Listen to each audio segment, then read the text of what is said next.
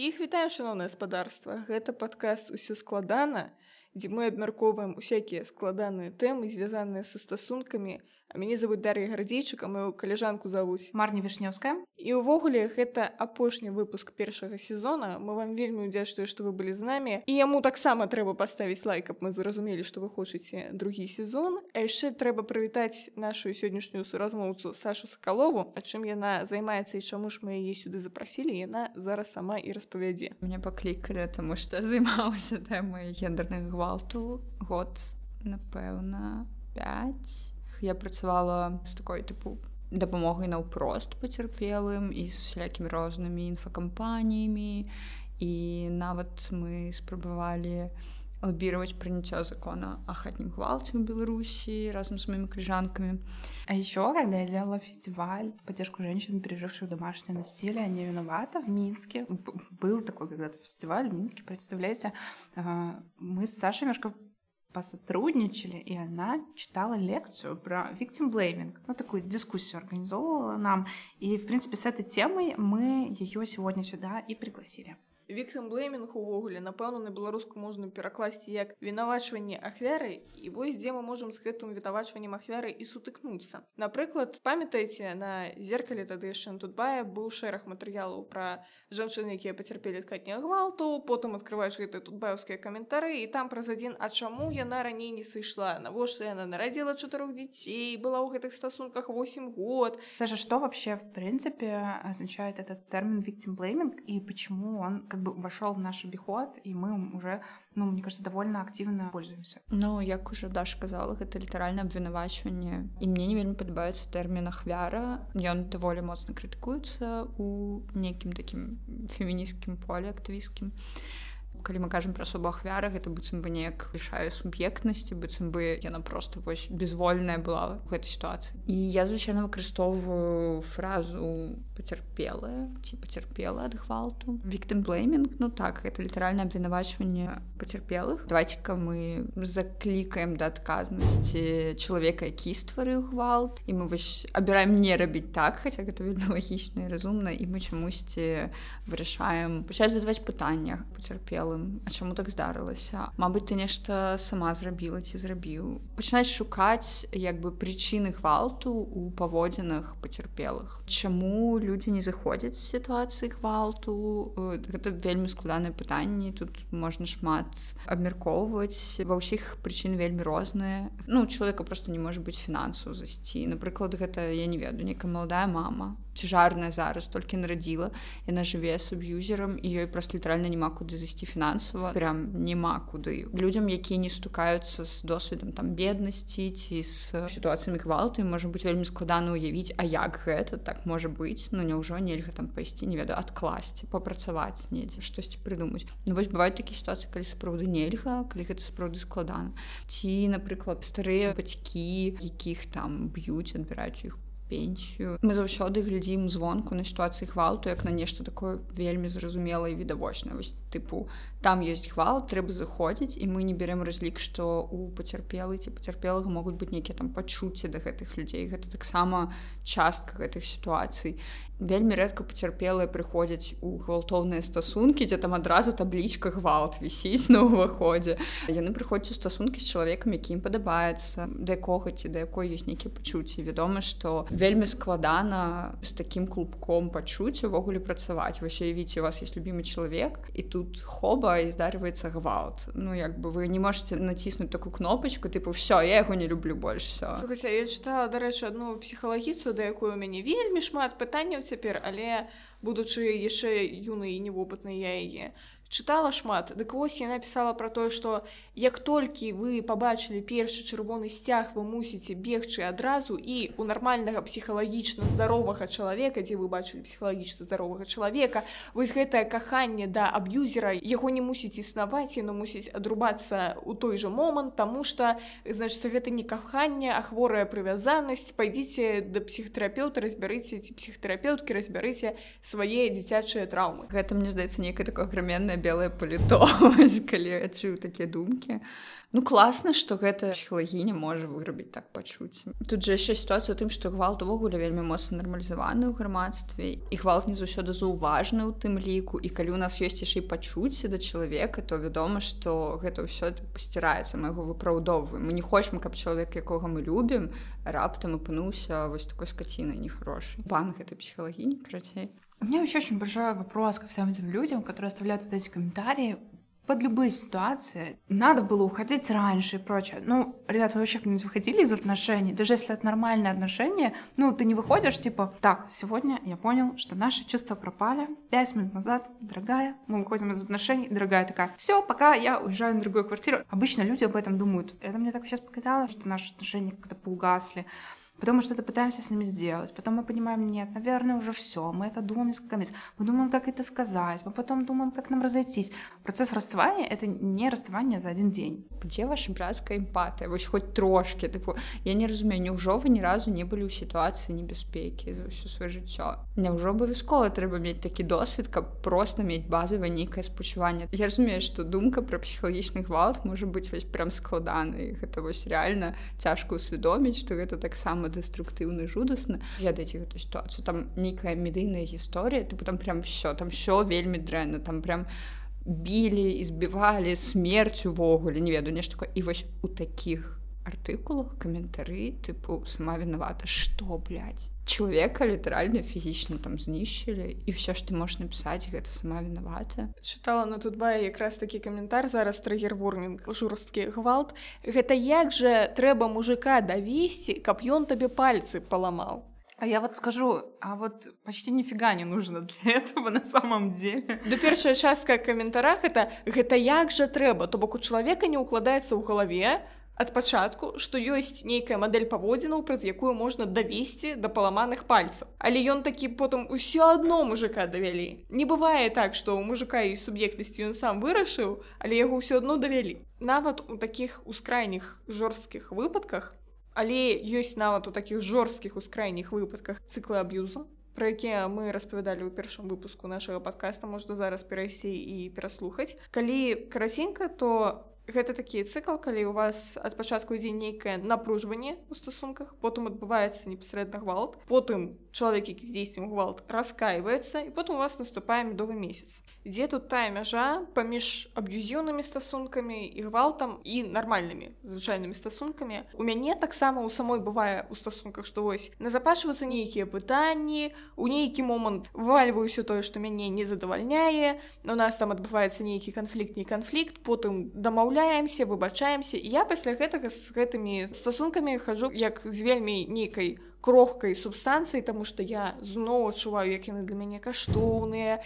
Я зноў жа думаю про тое что ну вось сапраўды я тут нешта нагаварыла не трэба мне было гэтага казаць а чалавек там вось у мяне былі нейкія прэтэнзіі яны там вырашыліся. Ну Хаця мне падаецца, што я не аб'юзерка. Як зразумець, што гэта ўжо нейкі аб'юз. Самае такое грунтоўнае і важнае адрозненне канфліктаў ад гвалту гэта тое, што ў сітуацыях канфлікта вы ўвогуле раўнапраўныя асобы. Ну сэнсе нават калі хтосьці пакрыўдзіў кагосьці, гэта сітуацыя, дзе любы чалавек можа з гэтага канфлікта выйсці, напрыклад, калі ему некамфортна ці ёй там. І гэта як бы бяспечна для чалавека. Чалавек не адчувае быццам бы так, калі я зараз перастану спрачацца, то ўсё мяне тут просто просто заб'юць на месцы на практыке ключевое адрозненне калі ты адчуваеш себе бяспечна ты адчуваеш что ты можешь включацца выключацца і тебе няма нейкага страха что ты не можешь пазбегнуць гэтай канфліктнай сітуацыі калі мы кажам пра сітуацыю гвалту гэта заўсёды сітуацыя ўлады аднаго чалавека над другім. Тут яшчэ важна думаць пра сістэмнасць. Калі у вас ну просто здарваюцца там час ад часу канфлікты вы іх вырашаеце і далей жыццей ідзе нармальна. Это не канфлікты калі вы себе адчуваеце тыпу вінаватымі ўвесь час. Гэта не канфлікты дзе вы баіцеся не просто за стасункі тыпу за сваё жыццё бяспеку сваё здароўе. Гэта вось дарэчы да нашага улюбёнага пытання пра загалоўкі ў сМ. Мне адзін раз трапілася навіна пра тое што чалавек загінуў у п'янай бойцы а потым я прачытала тэксты там стала зразумела што ён то быў цвярозы а чалавек які на яго напаў быў п'яны.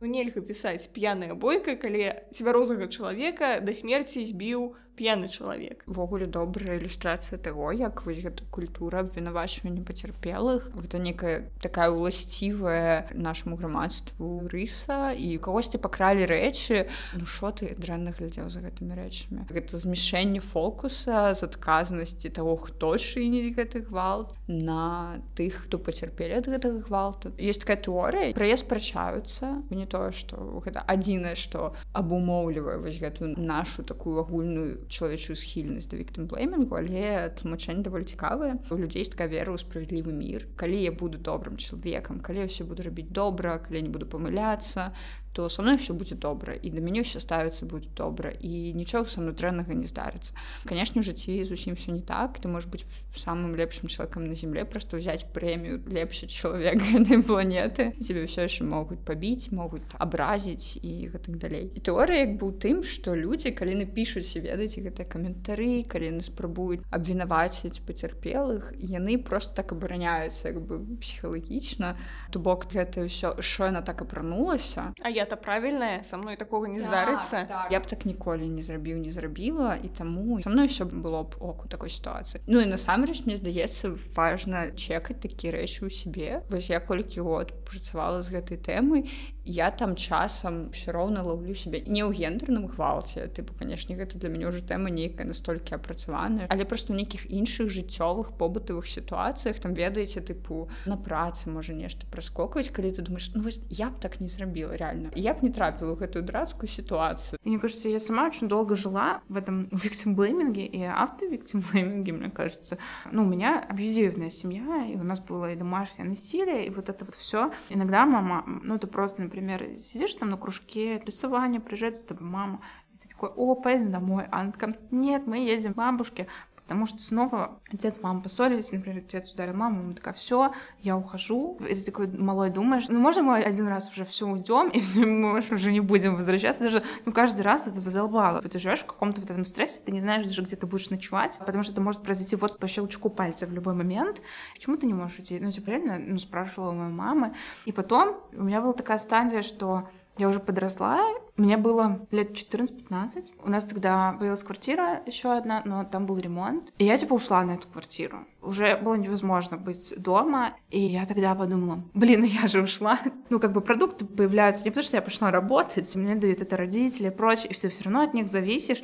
И у меня какой-то был очень сильный период жизни, когда мы с мамой все время спорили, все время типа я говорила, что а если бы вот ты ушла типа 10 лет назад, мы бы сейчас жили лучше и так далее. Когда я начала заниматься темой феминизма и поняла, что такое виктимблейминг, и что я виктимблеймила свою мать в подростковом возрасте, я начала себя сама виновачивать, что я тогда про кого-то говорила, и на самом деле вообще не надо было так делать, и надо было, может быть, просто помолчать. И мне до сих пор очень стыдно иногда за это. Я у твою оборону могу сказать, что ты так само была поцярпела ад гэтага гвалту. Ты не ў такой ступені вінаватая як чувакі якія пішуць каментары седзячы у нейкай цёплай утульнай атмасферы дзяцей якія былі ў сітуацыі гвалту увогуле спыт мінімальны Мне здаецца что там ну што часто людзей просто няма разумення наколькі гэта можа ударяць тыпу по пацярпелым якія потым гэта чытаюць і ну вось як ты марні кашыны просто тыпу ліпанули каменты пайшлі далей як бы. А людзі якія там апублічваюць свае гісторыі ну вось калі гэта медыйным становіцца яны потым гэта чытаюць гэта ж просто такая ретравматызацыя адразу тебе просто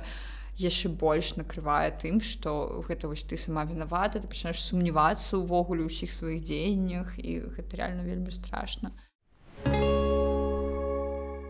тут вось вельмі можна закінуць гэтую тэмку пра гэтае ложнае абвінавачванне да якіх так любяць апелліраваць у каментарах що тыпу ой ніхто не ведае як там было Мабыць яна нахлусіла Да я гэтага чалавека ведаю ён реально просто лепшы ага, ён не ага. мог такога зрабіць 100 першае можна конечно просто спасылацца вось так вельмі нудна і сур'ёзна спасылацца на сялякія даследаванні якія паказваюць пра максімум два соткі ложных заяваў гэта нейкія заявы міліцыю напрыклад ці нешта такое. По-другое ну ты уявіце у якім жудасным гвалтоўным свеце мы жывем і мне здаецца што лепей падтрымаць чалавека які хлусіць пра гвалт чым мне падтрымаць чалавека які пацярпеў ці пацярпела ад гвалту улічваючы вось гэтае суадношанне улічваючы вось гэта два соткі нейкіх там ложных кожных заяваў ласка просто не спытваеце вось гэта ты почему ты не зайшла і увогуле клёва калі мы не будзем даваць ніякую ацэнку дзеянням пацярпела і ці пацярпелага там А што ж ты такога зрабіла за што ён цябе? Была з ім тому что там грошы былі. Мабыць і так нават калі і так якая розніца. Ўсё яшчэ гвал здарыўся нагадваю нічога не можа быць праўданнем для гвалт ласка нічога не пішыце пра тое як сябе паводзіла пацярпела ці пацярпела. Можна написать слов под блин клас ты малайцуня что выйшла з гэтага Мне кажется есть такая штука очень любит ее и апеллировать всякие защитники агрессоров презумпция невиновности Вот что пока ты не доказала в суде, что он тебя там, действительно избил или применял эмоциональное насилие, ты вообще не должна рассказывать про это. Ты должна молчать. Да, вот, чувак, а коли тебе обокрали, например, усть... А вот нет, это работает в одну сторону. Это работает только с гвалтом и только с типа, женщинами. Знову ж, этому комментатору хочется задать питание, коли тебе избили, ты увесь у синяках, ты так само до суда мусишь молчать. Понимаешь, что это еще очень часто такое бывает, когда ну, нету прям такого физического насилия, или ты говоришь, что тебя ударили, но нет прямо синяка.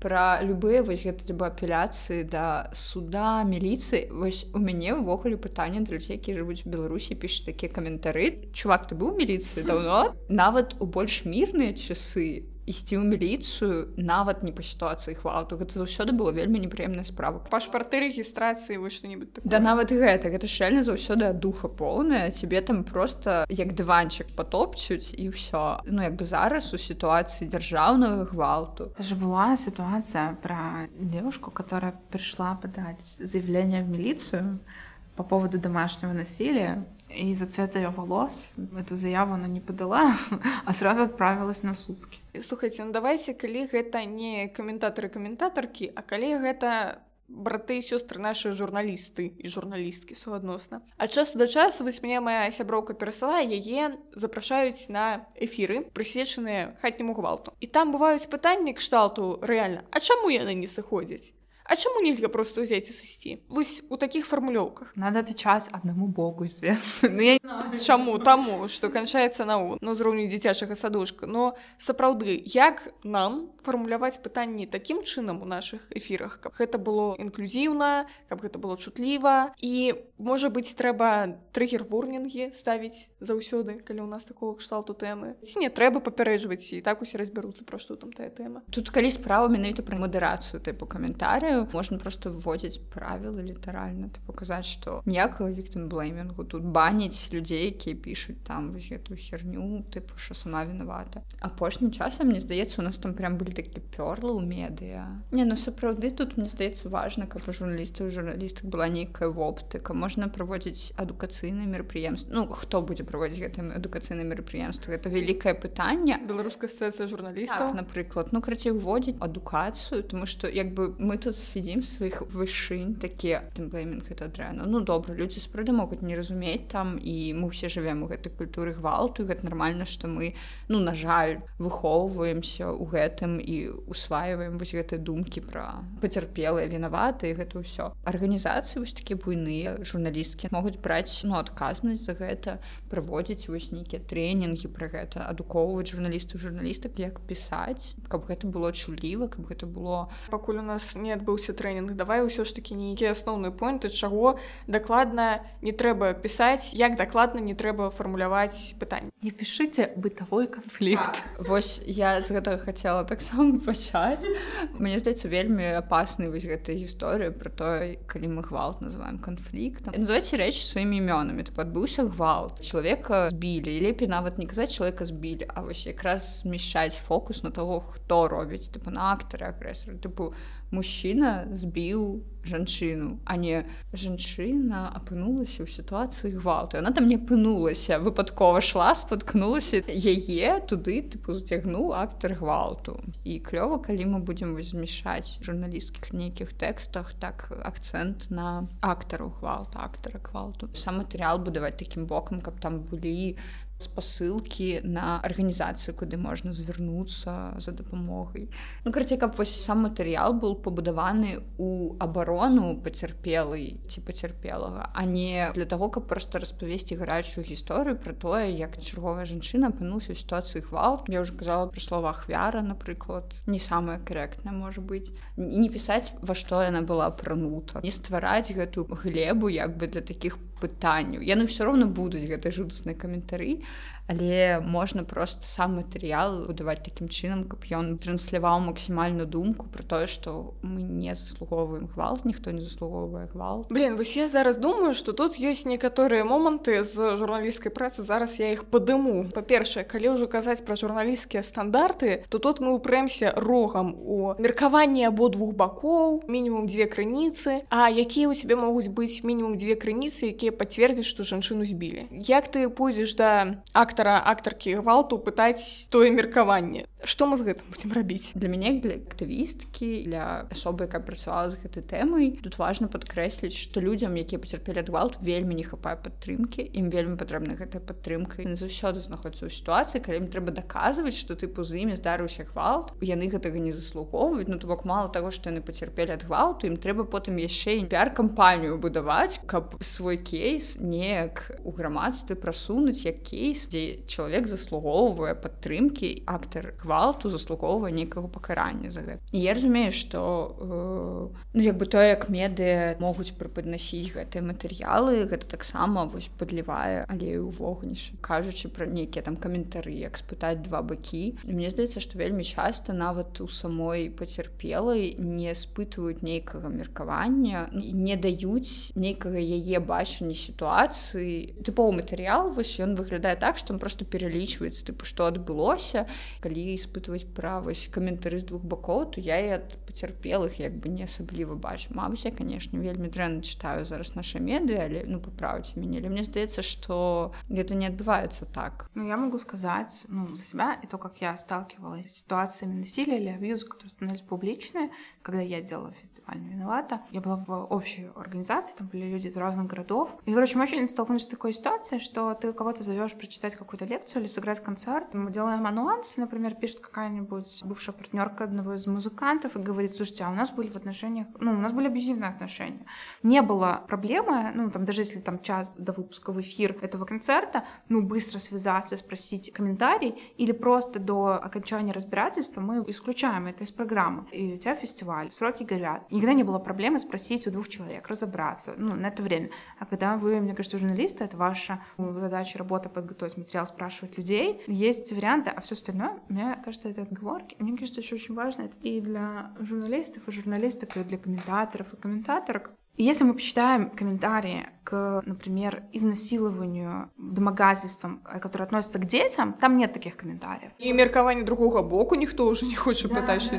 Да. Ну, например, вот тебе 10 лет, там один комментарий, а тебе 15 лет, и тогда уже комментарии супер меняются. Вот когда мы говорим об объективности, это не о том, что мы типа пишем вот просто какие-то сухие факты, а что это ну, для разных людей в разных жизненных ситуациях, разных возрастов, разных социальных групп, это должно быть одна структура. Не подчеркиваем внешний вид или что-то еще. Ну, то есть... Или это на вечерке некое отбылось, это все уже увогуле Да, просто. да, да, да. Это был же вот этот недавно кейс в Украине, там, где молодые ребята приглашали девчонок на флеты, как это называлось раньше. Ну, спаивали и снимали на видео, простите меня, как они совершают действия насильственного сексуального характера над э, молодыми девчонками. Какие были комментарии? А почему они туда пришли. А вы себя помните 15-16 лет? Вы тоже там ходили куда-то, там курили сигареты за гаражами, и вам просто повезло. У меня был такой кейс, когда я пришла на репетицию к другу в театр с подругой, что-то ходили, смотрели, все дела. У театр пошли, не за гаражи. Там, ну, открыта звукорежиссерская комната. Мы такие, о, типа, ну сколько нам, 15 лет? Мы такие, вау, давай посмотрим, что там. Она открыта, никого нет, позашли. И там заходит чел, звукорежиссер, и начинает нам намекать, какие мы красивые девочки, как мы сюда пришли,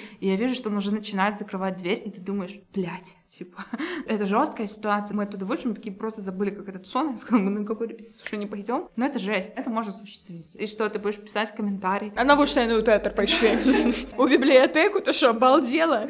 А если ты была на вечеринке, и если ты была пьяная, ты, ну, как бы на самом деле на сто процентов свои действия контролировать не можешь. Иногда бывает ситуация, когда два человека в измененном состоянии, но если вы сами, например, не пьете, и вы видите человека вот рядом с вами, который пьет, ну, насколько его это честный выбор, насколько он этого действительно хочет, или он просто под воздействием психоактивных веществ просто что-то вам сейчас сказал «да» и все. Это вельми такая непопулярная думка, але цалкам згодна з марні, што калі чалавек просто з нейкім змянёным станам і там прыняў алкаголь ці нейкія там псіхаактыўныя рэчывы то гэта прям 100соткаў лепей пазбегаць нейкіх сексуальных камунікацый тому што ніколі не ведаеш як про гэта будзе думаць там на наступны дзень у твярозум стане гэта да пытання шаноўны каментатор атрымліваецца што калі ты прыйдзеш да сваіх сяброў вы там забухаеце і хтосьці з тваіх сяброў захоча з табой здзейсніць гвалтоўны сексуалізаваны акт